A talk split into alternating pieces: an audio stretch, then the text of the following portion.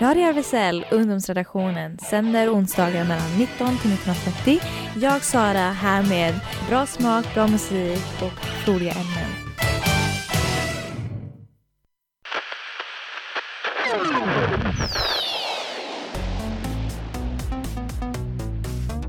Radio RFSL. Ungdomsredaktionen. Från RFSL Malmö. Hej, detta är Sara eh, och det är vår nya sändning. Vi har inte varit här, eller jag har inte varit här på säkert en vecka och det var för vi gjorde en extra sändning i måndags tror jag. Och idag har jag gäster. Vill ni introducera er själva? Mm, jag heter Niklas. Hej. Och jag heter Micke. Mhm, Och idag kommer, alltså jag har stulit om från förra sändningen och det var idag jag RFSL. Eh, och vi kommer bara så ställa, jag kommer bara ställa några vissa frågor. Vi kommer ha fina och öppna konversationer, det vilket är bara fantastiskt. Så det är så här mer spontant, vilket jag gillar. Eh, och sen så vill jag bara påminna er att nästa vecka så kommer jag ha alltså Habitat Q ungdomsgäng, eh, verkligen. Så ni får verkligen komma nästa vecka. Då kommer jag ha jättefina ungdomar, kommer prata om att just vara med i hbtq-rörelsen. Eh, bara vara aktiv, vara ungdom. Ungdom och vara del av Eh, så här, hbtq. Det kommer vara jättetrevligt, verkligen. Eh, och sen så kommer jag prata om ABF-huset där jag var på Nina, Ninas föreställning som vi pratade om förra gången. Och sen så kommer det vara bra musik, vilket är jättebra.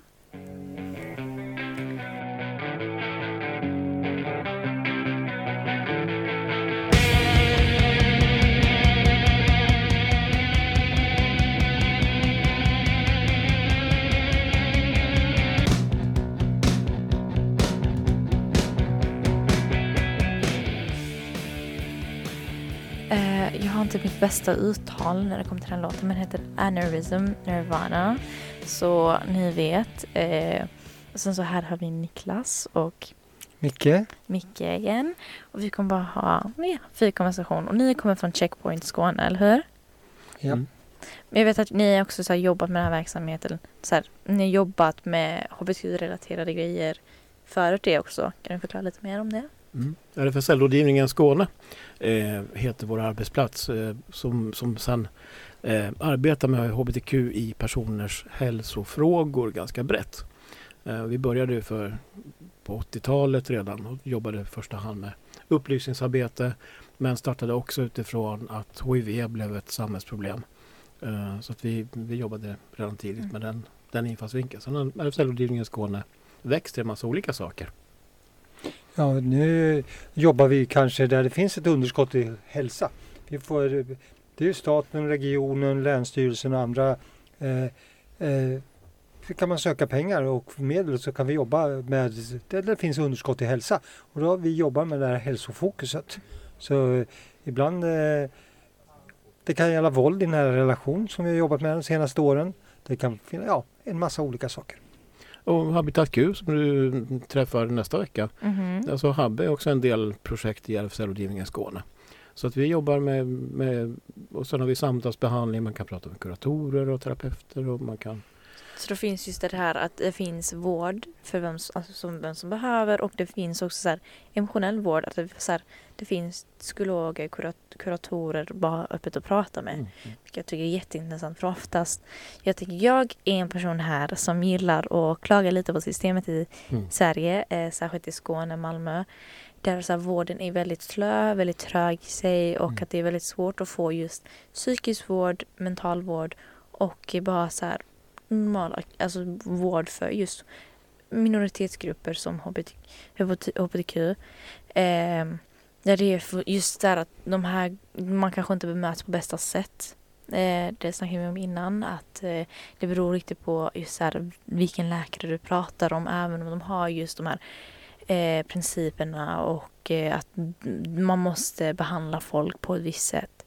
Men att fortfarande folk gillar att vara taskiga. Ehm, vilka konsekvenser det har på just personer som just söker vård. Mm. Alltså det är ju, jag brukar ju tänka det där med att möten med, med samhället eller vårdgivare eller vad man nu söker stöd eller behandling för. problemet är ju inte ofta att folk är taskiga eller elaka, att de sitter och är småjävliga. Jag tänker att ofta handlar det om att de kanske är okunniga, de har inte satt sig in i frågorna, att de kanske är oupplysta och sådär. Det, det drabbar ju oss som vårdsökare. Om vi kommer till och behöver hjälp med någonting så kan det vara besvärligt att man inte riktigt är säker på vilken kompetens den här vårdgivaren har i, i, i våra frågor. Så man kanske inte vågar vara öppen med precis så som problemen ser ut. Jag tänker på det så här, vårdsystemet och just läkare eller vem det är. Mm. Blir de inte informerade om just detta? Jag tänker det är ändå en del av, du vet, man, må, man måste kunna alltså, ge den vården som behövs. Jag tror att det inte finns eller väldigt så här, kanske systemet i sig är fel. Eh, jag tror det är något verkligen som undervisas. Jag vet att i skolor, eh, jag pratar med så här, en, eh, sjuksköterska, eller inte sjuksköterska, hon var sjuksköterska, Mm. hon är skolsköterska nu. Men vi pratade just om att eh, ja, men hbtq-personer och att hur bemöter man någon, någon som är just hbtq-person i vården. Och hon pratade just om att det var väldigt så här i skolorna då, jag tar det perspektivet för hon har också jobbat i vården. Eh, att skolan är just att det var, var just lärare, de just hade de här en, vet, en dålig syn på hbtq. Det är väldigt svårt att bemöta de eleverna på bästa sätt. Eh, att det kommer alltid så här kulturella, religiösa frågor som kom upp. Även om du inte hade med dem att göra. Och när man ville utbilda folk, för det finns en speciell utbildning man kan gå på, så var folk inte så, hur ska man säga, de vill inte vara med. De vill inte ta del av just den utbildningen även om det behövs. Mm. Eh, och du vet så här, jag tror att det är någonting som jag, jag tycker som person att det är någonting som ska vara självklart. Det ska vara någon slags utbildning i just det. Särskilt om du jobbar i vården, du jobbar i skolor där du just har just den här sociala förmågan där du måste bemöta folk av alla grupper. Mm. Vem de är, hur den är, vilken identitet, vilken livsstil. Att man måste ändå kunna ha den kunskapen. Och jag tycker det är väldigt dåligt av vården att inte de just har det. Jag håller med. Alltså det, är, det är en sån självklarhet. Det är en sån självklarhet att vi, vi borde kunna förvänta det när vi, vi möts i, i den här situationen när vi behöver stöd och hjälp eller support av det vården eller någonting annat. Jag, jag håller helt med. Och det, vi har jobbat, både Mikael och jag, och rådgivningen med flera kollegor där vi har bland annat utbildat just personal inom Malmö stad, inom olika Vård. skolor, inom Vården. vården, psykiatrin, barn och ungdomspsykiatrin. Så att man har investerat från både regionen och från kommunen ja, en del pengar. Inte jättemycket. eh, Nej, men nej, men man, man har liksom bestämt sig för att man måste höja, man har insett att man måste höja kunskaperna. Mm. Men det gäller, ju att även om då vi säger att, vi säger att 100 har utbildats så räcker det att man inte möter någon av dem. Mm. För att inte känna att man får den här tryggheten eller respekten för den man själv är. Och då kanske man nästa gång så backar man själv lite grann och man vågar inte söka kontakt eller vågar berätta vem man är eller vågar lämna ut det där som man känner. Så att det där är ju, det är ju viktigt att all, man ska bli, li- det ska inte spela någon roll vem man möter. Men ett, ett grundläggande problem som jag tror är roten till det här. Det är ju att de här frågorna ingår inte riktigt i grundutbildningarna. Så om man pluggar till sjuksköterska eller doktor eller socionom eller till Mhm. fritidspedagog. Det är så lite av eh, den här typen av frågor som ingår i grundutbildningen.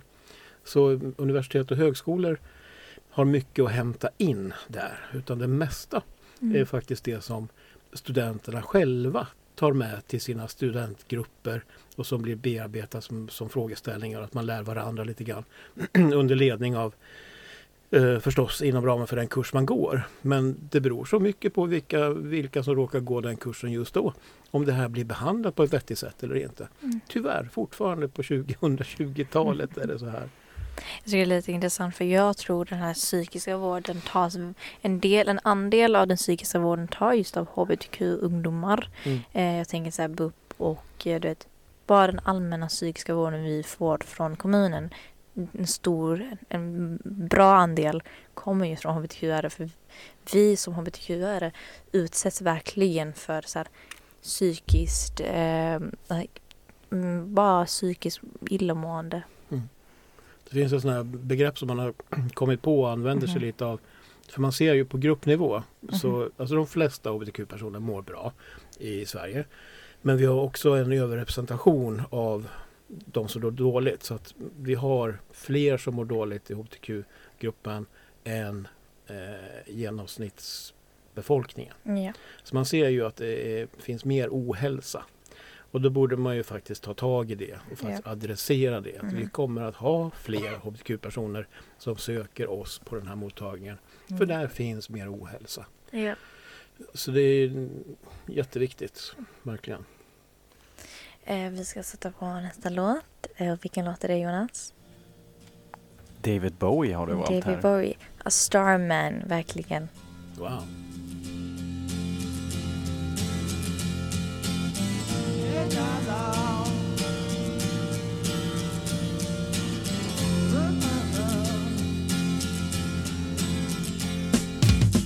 Didn't know what time it was, so I picked on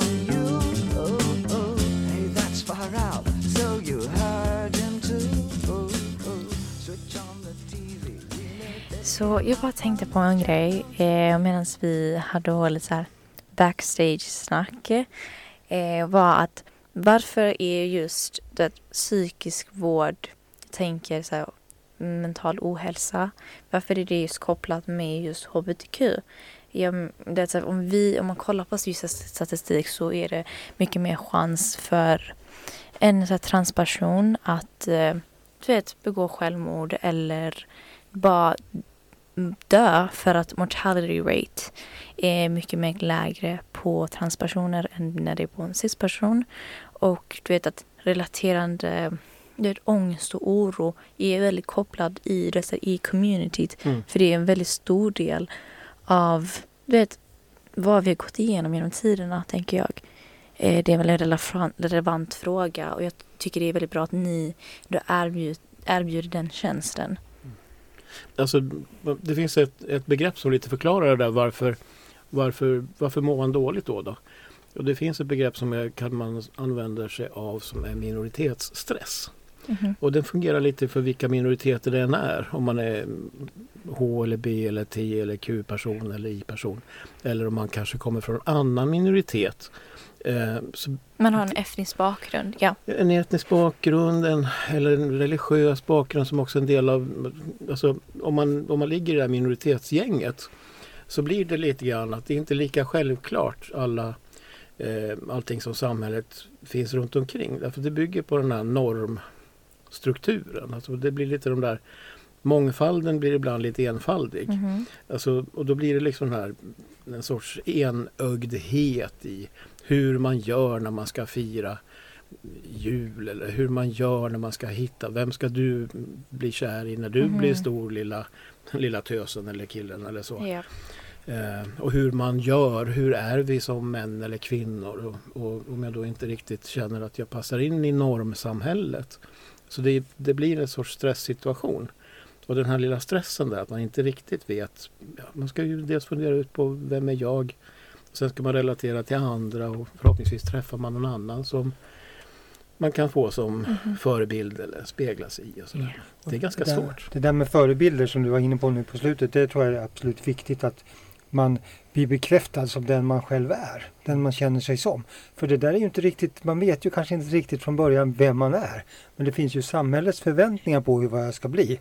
Mm. Det, då finns det bara pojkar och flickor. Och flickor attraheras av pojkar och Pojkar Pojkar och attraheras av flickor. flickor, ja. Och det, och det finns ingen, det transpersoner finns inte med i det konceptet Nej. överhuvudtaget. Och det finns många som lämnas utanför. Du pratar om minoritetsstress. Mm. Och det, det är så att vi, att just att vidga kretsen vilka vi alla kan vara.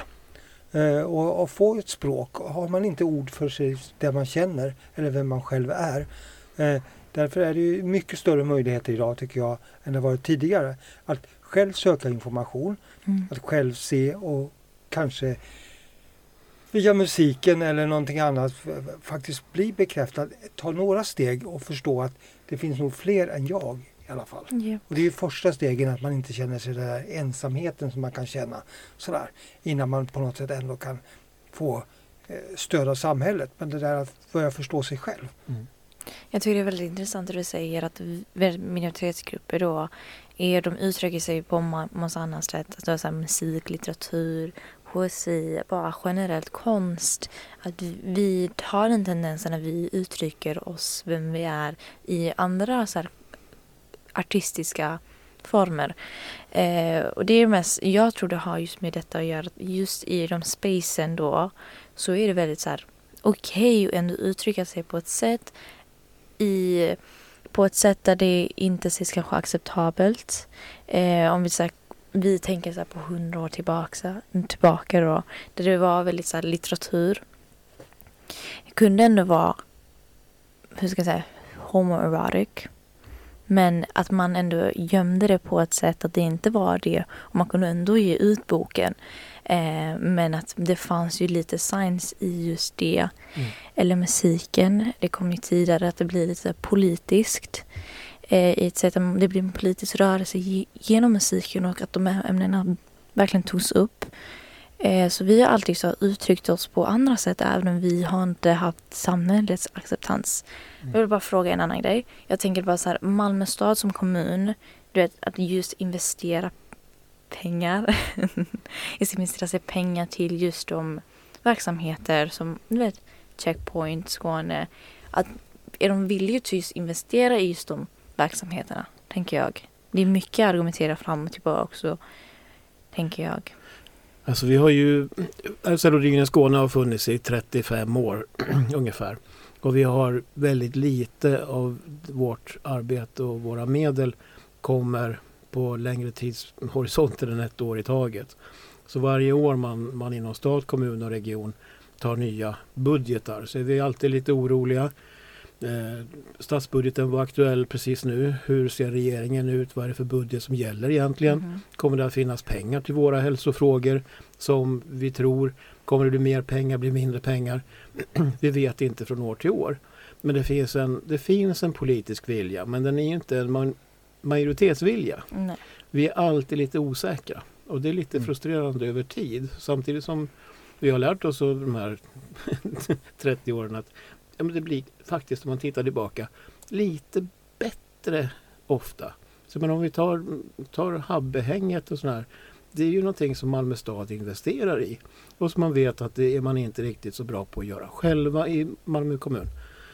Utan då frågar man, vill inte ni vara med och hjälpa till Mm. och stötta så att det här kan funka över tid?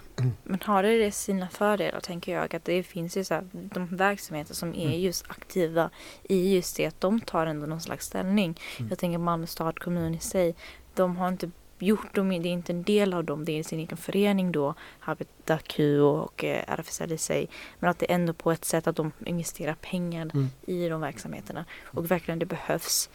Eh, men bara, det blir så tråkigt att bara tänka på, men det blir så tråkigt att tänka på att om de inte investerar de här pengarna, Mm. att det blir så här, det, politik, politiken ser ut idag, hur kommer det se ut i framtiden? Är det vår rättighet en politisk debatt? Alltså är vår, och, vår existens ett sätt är politiskt. Det är någonting så som ska debatteras nu och det, så vi ska få våra bare minimum rättigheter. Men vi ska inte alltid vänta på att någon ska bädda för oss Nej. heller. Utan det finns ju något som heter aktivism också. Ja. Eh, Och det är ju så viktigt att vi själva sluter oss samman och vi gör saker tillsammans och s- Mhm. vågar vara de vi är. Ja. Eh, och eh, det, där, jag menar, det, det som idag verkar självklart så här att du säger kommunen ska och sådär. Eh, jag som är lite äldre, jag, eh, vi hade inte en krona Mhm. och det skulle aldrig ha funnits utan vi skapar ju alla våra miljöer och våra kaféer eller Mhm. mötesplatser själva Mm. utifrån eh, oss. Att vi slöt oss samman och, och hyrde en lokal och var där. Men det var inga, fanns inga kommunala Nej. pengar eller sånt där. Utan vi sa att vi vill träffas. Vi vill träffa varandra Mm. och så gör vi det. Och, och det är ju det som, och det, det kan man göra idag också. Så det är ganska viktigt att vi ändå gör, kommer på att vi kan göra mycket tillsammans eh, och inte vänta. För det, och sen våga berätta vilka vi är. För då, då, det är därför vi har varit, den här aktivismen som har funnits under många år, det är den som gör att de här pengarna finns idag. Absolut. Men att man ändå tog, tar det initiativet tycker jag är jättefint. Att man engagerar sig aktivt och man bara, ja vi är här, vi tar handling. Eh, Action. Ja, men det, det, bara att vi har ra- radion här Ja. är en sån sak. Att man skickar signaler ut. Mhm. Vi finns, vi är här. Det finns vi här, vi tar plats och Mm. det, ni får bara gilla läget. Ja, Det gillar jag. Så. Verkligen. Tack så mycket för idag och vi kommer bara sätta på musiken och sen så får vi avsluta sen. Tack.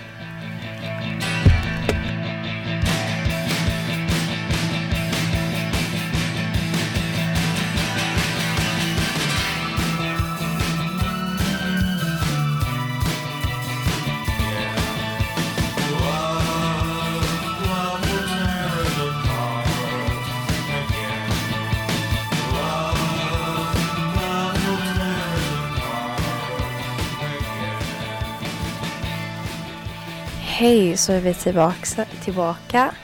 Eh, jag, Jonas pratade om någonting väldigt intressant innan. Eh, vi fick ju en ny kvinnlig statsminister. Eh, det tog ju bara sju timmar. så hon avgång. Hon avgick eller?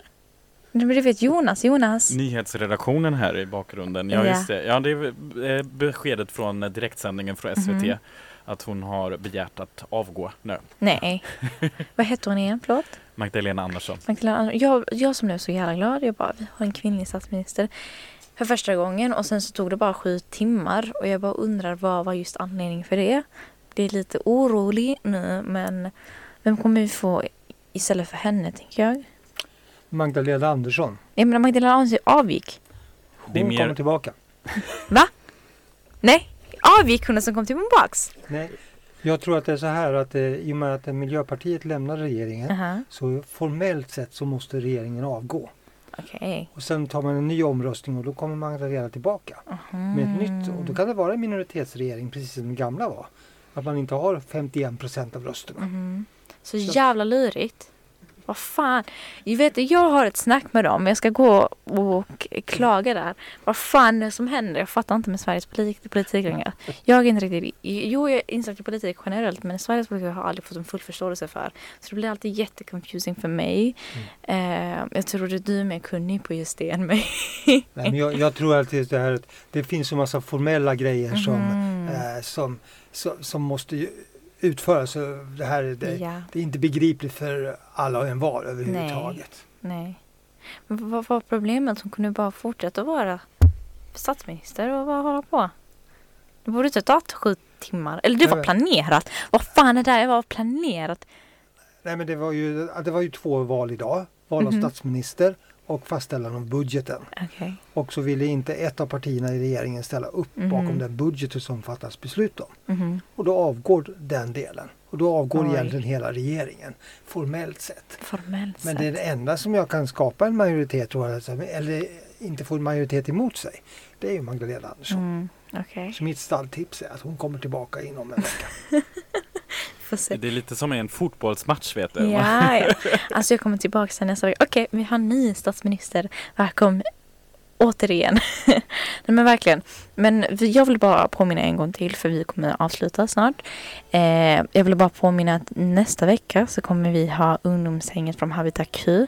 Jättetrevliga människor. Vi kommer ha här jättefina konversationer. Så verkligen häng med nästa. Jag kommer vara så jävla peppad. Och tack så mycket för alltså ni har varit här med mig. Haft fina konversationer. Verkligen väldigt uppskattat. Tack så mycket och tack till er som har lyssnat. Så hej då. Hej då.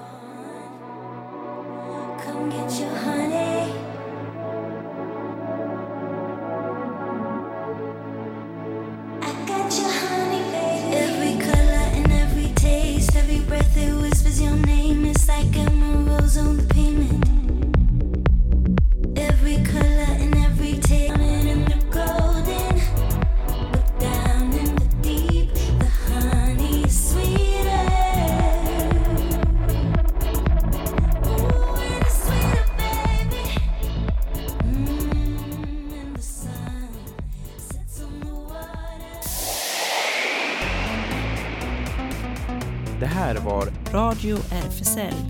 Ungdomsredaktionen. från RFSL Malmö.